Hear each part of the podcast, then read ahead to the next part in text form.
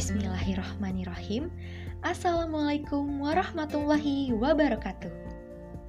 Nama saya Azahra Hita, NIM 1900315. Pada kesempatan kali ini, saya akan menyampaikan sebuah ide inovasi pendidikan.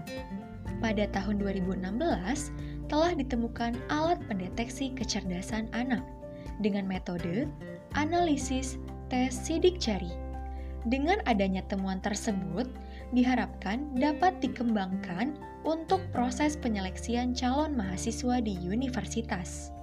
Penyeleksian ini meliputi penyeleksian nilai kognitif ditambah dengan tes kecerdasan intelektual melalui metode aplikasi analisis otak.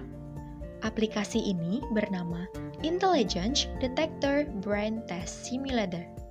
Aplikasi ini dapat mendeteksi kecerdasan seseorang dengan men-scanning otak calon mahasiswa tersebut. Nantinya, aplikasi ini akan memberikan jawaban tentang tingkat kecerdasan pada calon mahasiswa di layar komputer yang sudah dirancang dengan sedemikian rupa. Kecerdasan-kecerdasan yang dideteksi meliputi 1.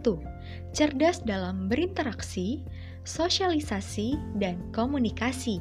2. Cerdas berbahasa dan berbudaya. 3. Cerdas dalam memanfaatkan ruang. 4. Cerdas dalam perhitungan. 5. Cerdas menganalisa dan menyelesaikan masalah. Dan yang terakhir, cerdas dalam rohani dan spiritual. Aplikasi ini hanya bisa dipergunakan di universitas atas seizin Kementerian Pendidikan. Alhamdulillah. Terima kasih. Wassalamualaikum warahmatullahi wabarakatuh.